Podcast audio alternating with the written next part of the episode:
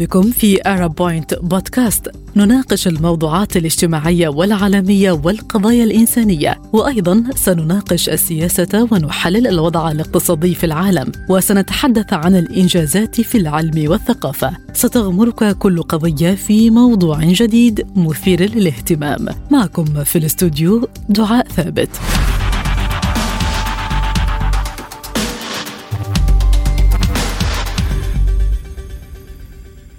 مستمعينا الكرام هل الأبراج حقيقة أم خرافة؟ وهل صفات وتنبؤات الأبراج اللي بنسمع عنها يوميا حقيقة أم مجرد أوهام؟ كان قسم الأبراج مقدس في أغلب الصحف اليومية قبل انتشار وسائل التواصل الاجتماعي كنا بنتابعه في صورة جدول صغير وكانت الناس بتتابع بشغف الفقرة القصيرة جدا دي اللي كان عايز بيتعمق أكتر بيشتري كتاب من كتب الأبراج من بائعي الصحف والمجلات. اليوم ومع انتشار الإنترنت ووسائل التواصل الاجتماعي بقى الأمر أكتر عمقا. الناس تقدر تقرأ صفحات كاملة عن أبراجهم ومعرفة صفاتهم والعلاقات مع الأصدقاء أو الأقارب والأحباب. مش كده وبس. كمان انتشرت تطبيقات خاصة بالأبراج على الموبايل بتقول لنا التنبؤات اليومية بشكل مفصل واللي بيكون مبنية على مواضع النجوم والكواكب. وانتشرت الاستشارات المتعلقة بالأبراج عبر الرسائل في منصات متخصصة أو من خلال البرامج الإذاعية. ومع نهاية كل عام بنلاحظ أن وسائل الإعلام بتطلعنا بتوقعات الأبراج للعام الجديد. التوقعات طبعا بتتناول الأمور المادية والصحية وغيرها وبالرغم أن كتير من الناس بيتابعوا التوقعات دي إلا أن البعض شكك في مدى التزامها بمنهج علمي إلى جانب رفض البعض الآخر ليها من منظور ديني. فيك شر الطريق ويكفيك شر المداري ويحبب فيك خلقه. مع السلامة يا كبير. الله يسلمك. ابعت لك الواد فزاع بالحاجة. ماشي. إيه ده كبير أنت نازل؟ لا طالع. طالع يا كوميدي. طب هتنزل إزاي وانت دلو؟ دلو إيه؟ يا جزمة انت. تتجننت ولا إيه؟ مش انت برجك زي برج جوني؟ انت عارف برجك النهارده بيقول إيه؟ من الأفضل ألا تغادر المنزل اليوم فسوء الحظ ينتظرك بالخارج. سوء الحظ ينتظرني بالخارج؟ يبقى ليلة مطينة بطين تعال يا سوء الحظ. تعال يا مخاطر.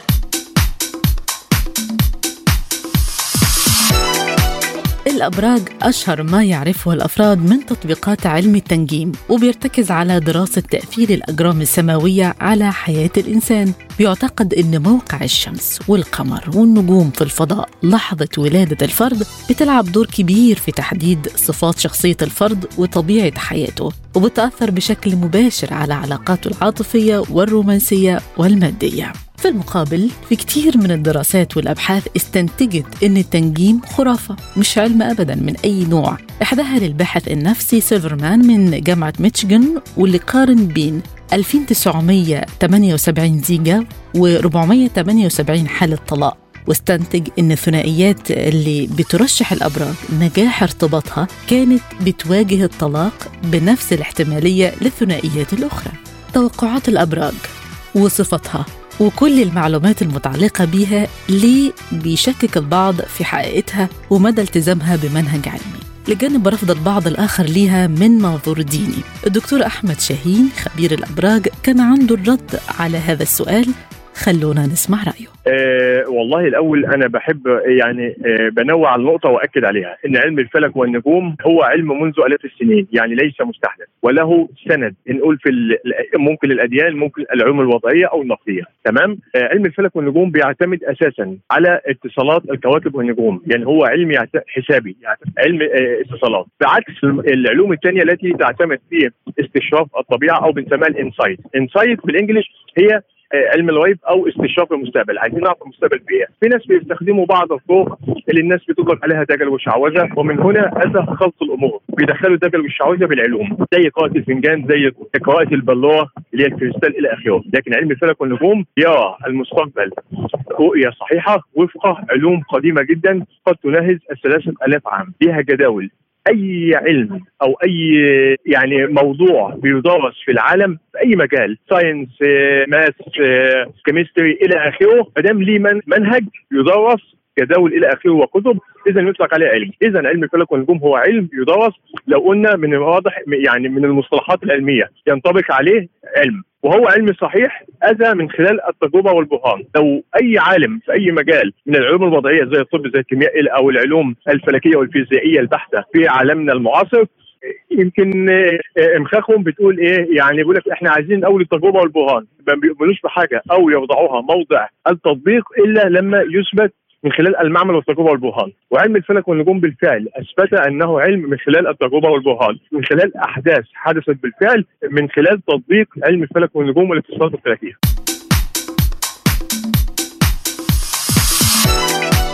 دكتور جلال الشربة استشاري الصحة النفسية كان له رأي مختلف في مدى التزام الأبراج بمنهج علمي. توقعات الأبراج ليست ملتزمة بمنهج علمي أو أكاديمي. هي مجرد تخمينات وأشخاص الذين يعملون بهذه بهذا المجال آه، قد يكون تعلموا أعداد جمع وضرب وكل كل شخص تعلم طريقة للتكلم بالأبراج. اولا لا يوجد منهج علمي محدد لتحديد الأبراج. ثانيا لنفترض إذا أخذنا كإحصاء علمي 100 شخص لنفترض من برج الدلو أو الأسد أو الحمل هل سيكونون هؤلاء الأشخاص متماثلين في مورثاتهم وطبائعهم وسلوكهم وشخصياتهم؟ أكيد لا فكيف سينطبق هذا البرج على ملايين الأشخاص؟ ثالثا يعني ما سيحدث لنا دائما هو مقدر في الغيب ولا يمكن لشخص أن يعلمه وإلا كان سيعلم ما سيحدث معه هو اولا. ولكن الناس عندما تمر بأزمات نفسية أو اجتماعية تبحث عن أي خيط نجاة أو أمل أو أفق سواء بالأبراج سواء بقراءة الكف سواء بقراءة الفنجان أو غيره لأنها تكون في وضع صعب ومعاناة شديدة وتبحث عن بارقة أمل لها وسط هذا الواقع القاتم الصعب.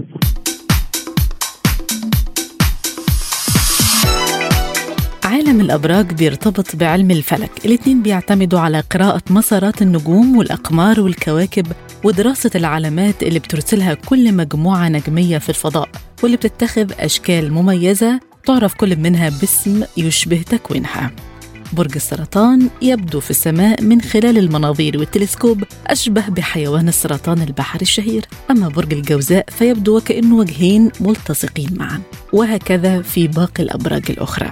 حركة النجوم بتسبب تداخل مسارات هذه المجموعات بالكواكب والأقمار. الأمر اللي بيتسبب برأي علماء الأبراج في العديد من التأثيرات للأشخاص اللي بيتصادف ميلادهم مع هذه المسارات. ومن هنا بنلاقي تقسيم الأبراج الشهير على حسب تاريخ الميلاد. ومنها يقدر بعض الخبراء معرفة الأمور اللي بتشير إليها هذه التدخلات والمسارات. بحكي لك عن برجي وعن زهرات المارجي لك عن برجي وعن زهرات المارجي. انت برجك شو ما يكون قلبي في عيونك مجنون.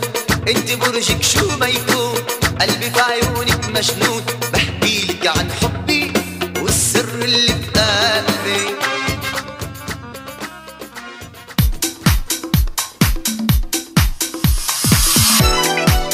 العديد من الأشخاص بيؤمنوا بقراءة الأبراج وتنوعها من أبراج هوائية زي برج الدلو لأبراج مائية زي برج الحوت وترابية زي برج العذراء ونارية زي الأسد. آه، الصفات كلها بتؤثر على شخصية المنتمين لهذه الأبراج أو غيرها. كمان بيؤمنوا بتوافق الأبراج بين بعضها البعض على حسب الإشارات القادمة من مسارات النجوم.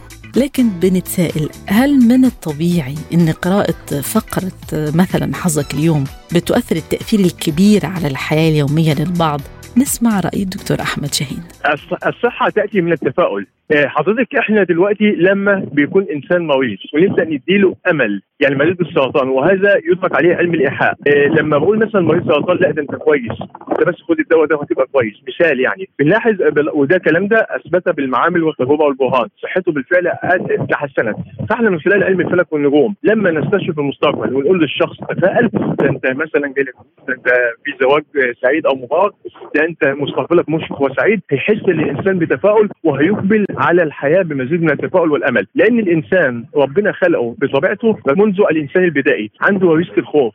دايما حضرتك العامل المشترك ما بين الإنسان القديم أو البدائي. وحتى عالمنا الإنسان الحالي هو الخوف من المستقبل، الخوف على الأسرة، الخوف من من المادة الفلوس، الخوف على الصحة إلى آخره، عايز يعرف بكرة في إيه، فإحنا لما نديله أمل أكيد صحته تتحسن ومسار حياته يتحسن بالتبعيه، ليس فقط الإيجابيات ولكن أيضا السلبيات، بمعنى إن أنا لما أقول له كمان سلبيات هت- هتتحسن حياته في جميع المجالات، خلال تقويه الجوانب السلبية، الحاجات الضعيفة أو الجوانب الضعيفة اللي في حياته أنا بقويها، طبعا عندنا الإمام علي بن أبي طالب كان دايما يقول إيه وقوع فيما معناه وقوع البلاء والانتظار. يعني اللي أنت احسن اللي حضرتك عارفة الانتظار وحش لكن اللي أنت تعرفي اللي جاي إيه بتستريحي نفسيا تقدري تتنبهي ليه؟ ومعنى صح اللي أنتوا بت- بتتهيئي له نفسيا عملية النفسية. حتى الجوانب السلبية ممكن تتهيئي ليها من خلال اللي أنت تعرفي اللي جاي لك إيه وتبدأي تعالجيها وتمشي حياتك على أساسها.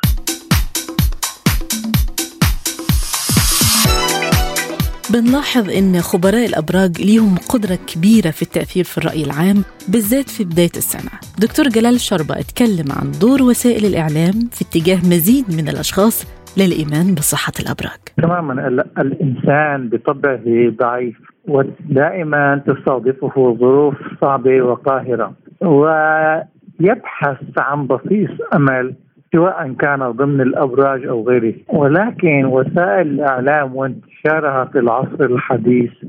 جعل هذه الوسائل تستخدم هؤلاء الذين يبحثون في الأبراج وغيرها لزيادة انتشارها من وسائل من قنوات تلفزيونية أو من مواقع التواصل الاجتماعي.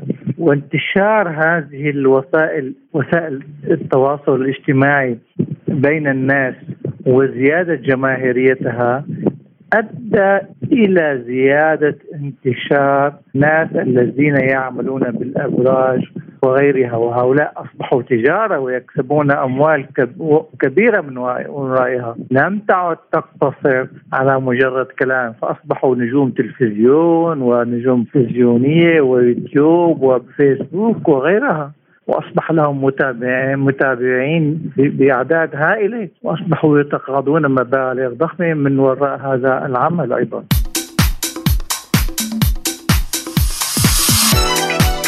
في أربع عناصر للطبيعة بتتعلق بعلم التنجيم الأرض، النار، الماء، الهواء. وبناء على التقسيم ده فالأبراج النارية هي برج الأسد، الحمل والقوس. أصحاب الأبراج النارية بيميلوا للنشاط والعاطفة القوية والمزاجية أحيانا. يجب التعامل معاهم بحذر وبيتمتعوا بطاقة كبيرة. بيميلوا أحيانا إنهم يكونوا في مواقع السيطرة والسلطة وبيتميزوا بتعاطفهم وحبهم لمساعدة المحتاجين لكنهم سريع الغضب ويتصرفون بطريقة عدوانية وصريحة للغاية في الكثير من الأحيان مع الناس. الأبراج المائية برج السرطان العقرب وبرج الحوت. أصحاب الأبراج المائية بيميلوا للغموض والعاطفة وبيتميزوا بقدرتهم على كسب احترام وتقدير الآخرين بسبب قدرتهم على التكيف مع ظروف الأشخاص المختلفة وبالإخلاص ويجب على الأفراد من حولهم التعامل معهم بوضوح والتعاون في فعل ما يفضلون وما يحبون. والله بحبك موت وأحب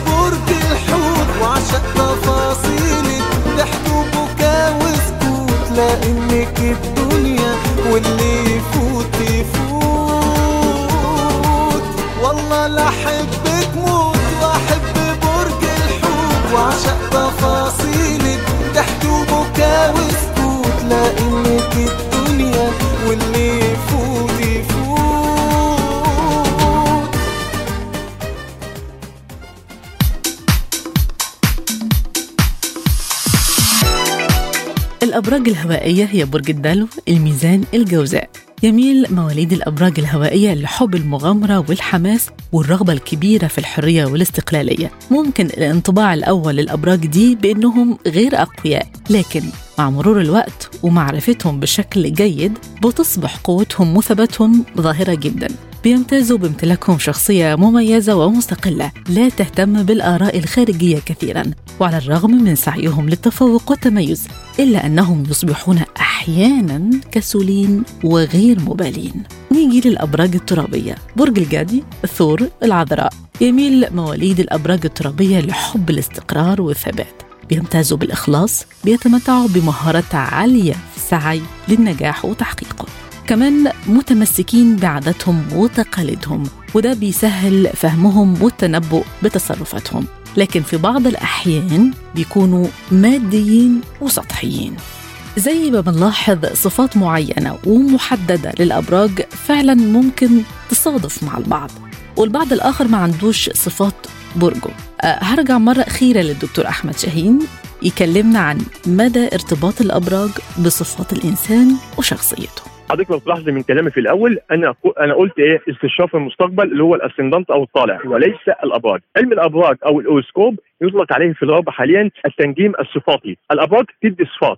حضرتك قلت مثال إن مثلا مثلا مواليد برج الثور اللي هو مثلا شهر خمسة في 30 أو 100 مليون في العالم هل معقول حظوظهم زي بعضهم؟ لا، لكن الابراج تتنبا بصفات وليس تنبؤات، بمعنى أن الطالع باخد تاريخ ميلاد الإنسان ساعة ميلاد الإنسان، في شخصين عندي مواليد برج الثور أو الحوت أو العذراء إلى آخره، الاثنين نفس اليوم. أو نفس الشهر. برج الثور لكن ده مختلف عن ده في ساعة الميلاد. ده مختلف عن دون في مدينة الميلاد. ده مختلف عن دون في يوم الميلاد. فبالتالي حتى الدقيقة وحتى التوائم لازم يفصل بينهم دقائق. مثال مصطفى أمين وعلي أمين الكاتبين المشهورين في مصر. الاثنين بينهم خمس دقائق. لكن الصفات دي تختلف عن صفات التانيين تماما. لكن مستقبلهم كان واحد وهو في الصحافة. المستقبل والغيب اللي بيديه الطلعة والاستنضام أما الصفات الشخصية فبيديها الأبراج. ده كان عاطفي وده كان جامد شوية. ده كان جاف عاطفيا. الاثنين دول اجوا من صفات الابراج أما المستقبل المشترك اجى من إن الطلع بتاعهم واحد لأنهم توائم. ولدوا في نفس اللحظة في نفس المدينة يمكن في نفس البيت كمان.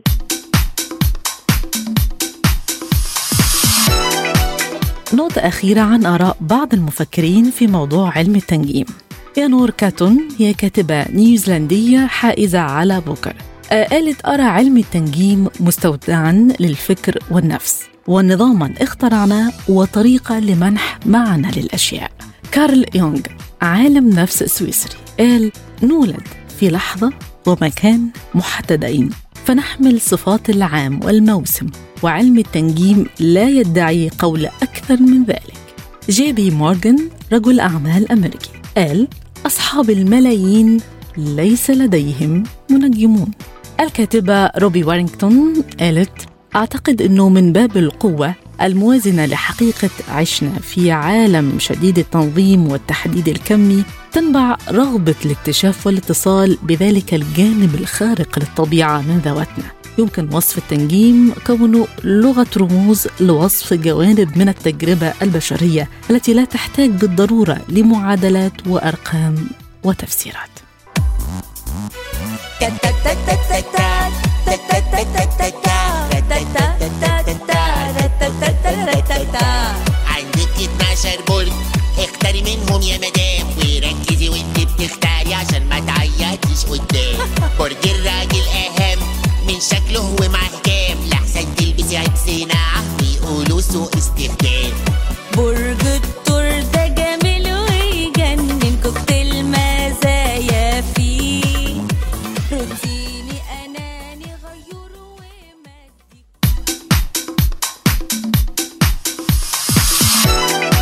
وبكده نكون وصلنا لنهاية الحلقة. نتمنى تكونوا استمتعتم بحلقة اليوم سواء كنتم مع أو ضد فكرة الأبراج وتوقعاتها. بشكر ضيوف حلقة اليوم خبير الأبراج الدكتور أحمد شاهين المتخصص في الأمراض النفسية الدكتور جلال شربة.